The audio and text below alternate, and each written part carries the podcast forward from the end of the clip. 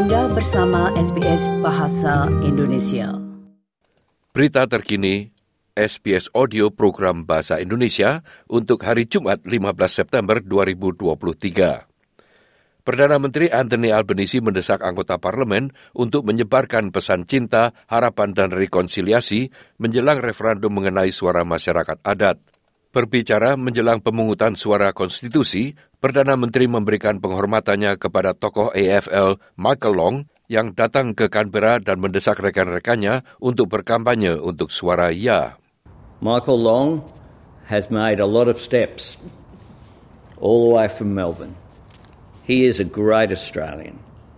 He's a great Australian who cares for his people, but importantly, he's a great Australian who cares for his country.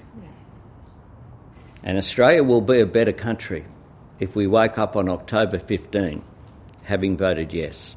Sementara itu, Warren Mandin, juru kampanye terkemuka pendukung pilihan no untuk suara adat di parlemen, menyatakan bahwa orang-orang dari kedua belah pihak perlu menjaga agenda mereka bebas dari fitnah. Hal itu terjadi setelah komentar yang menentangnya dilontarkan di media yang menurutnya telah menyebabkan masalah kesehatan mental. Mandin mengatakan tidak ada pihak dalam argumen voice yang bebas dari kesalahan. No one come, uh, has got clean hands in this, uh, and this is the sad part. Uh, so you know we, we've we've got to really pull people back and, and ask them to you know if you're if uh, if you're going to be the voice for the yes or for the no, then uh, keep away from the nastiness.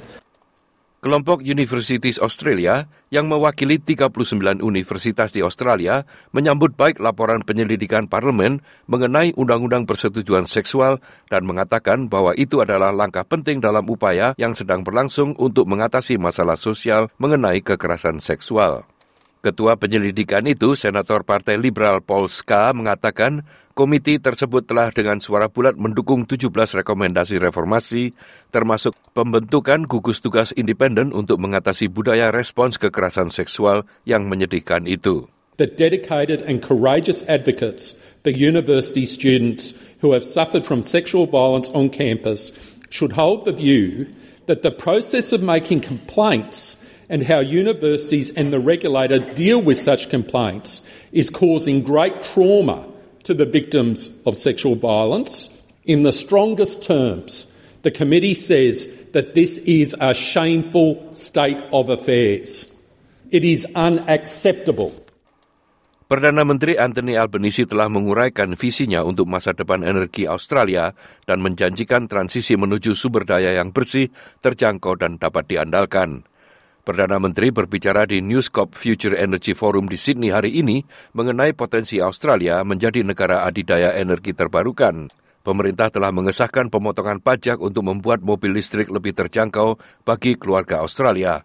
Ia mengatakan bahwa transisi ke energi terbarukan juga akan mengurangi tekanan pada konsumen. There's no question that renewables will reduce prices. That's why the investment is going there. Uh, there is nothing to stop people putting in a plan for a new coal fired power station to be built, except the market and common sense. Dua diplomat senior Amerika Serikat telah diusir dari kedutaan besar Amerika Serikat di Moskow dan mereka harus meninggalkan negara itu dalam waktu tujuh hari. Demikian dikatakan oleh Kementerian Luar Negeri Rusia.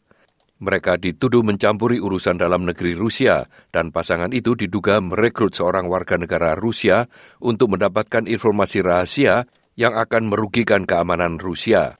Juru bicara Departemen Luar Negeri Matthew Miller mengatakan Amerika Serikat akan merespons dengan tepat tuduhan tersebut. This unprovoked expulsion of our diplomatic personnel is wholly without merit. Yet again, Russia has chosen confrontation and escalation over constructive diplomatic engagement. It continues to harass employees of our embassy, just as it continues to intimidate its own citizens. We regret that Russia has taken this path, and you can certainly expect that we will respond appropriately to their actions. Pemimpin Korea Utara Kim Jong-un dan Presiden Rusia Vladimir Putin telah bertemu dalam pertemuan puncak yang jarang terjadi di mana mereka membahas masalah militer, perang di Ukraina dan kemungkinan bantuan Rusia untuk program satelit negara komunis yang penuh rahasia itu. Kedua pemimpin mengadakan pembicaraan selama beberapa jam untuk membahas urusan dunia dan kemungkinan kerjasama secara tatap muka. Para pejabat Amerika Serikat dan Korea Selatan telah menyatakan kekhawatirannya bahwa Kim dapat memberikan senjata dan amunisi ke Rusia. Sekretaris Jenderal PBB Anthony Guterres mengatakan Moskow harus bertindak dengan hati-hati. It is absolutely essential to abide by Security Council resolutions, and North Korea has been violating those Security Council resolutions. And recently, I believe yesterday, we had two new missiles that were. And second, any form of cooperation of any country with North Korea must respect the sanctions regime that was imposed by the Security Council. Anda ingin mendengar cerita-cerita seperti ini? Dengarkan di Apple Podcast, Google Podcast, Spotify, atau di mana pun Anda mendapatkan podcast Anda.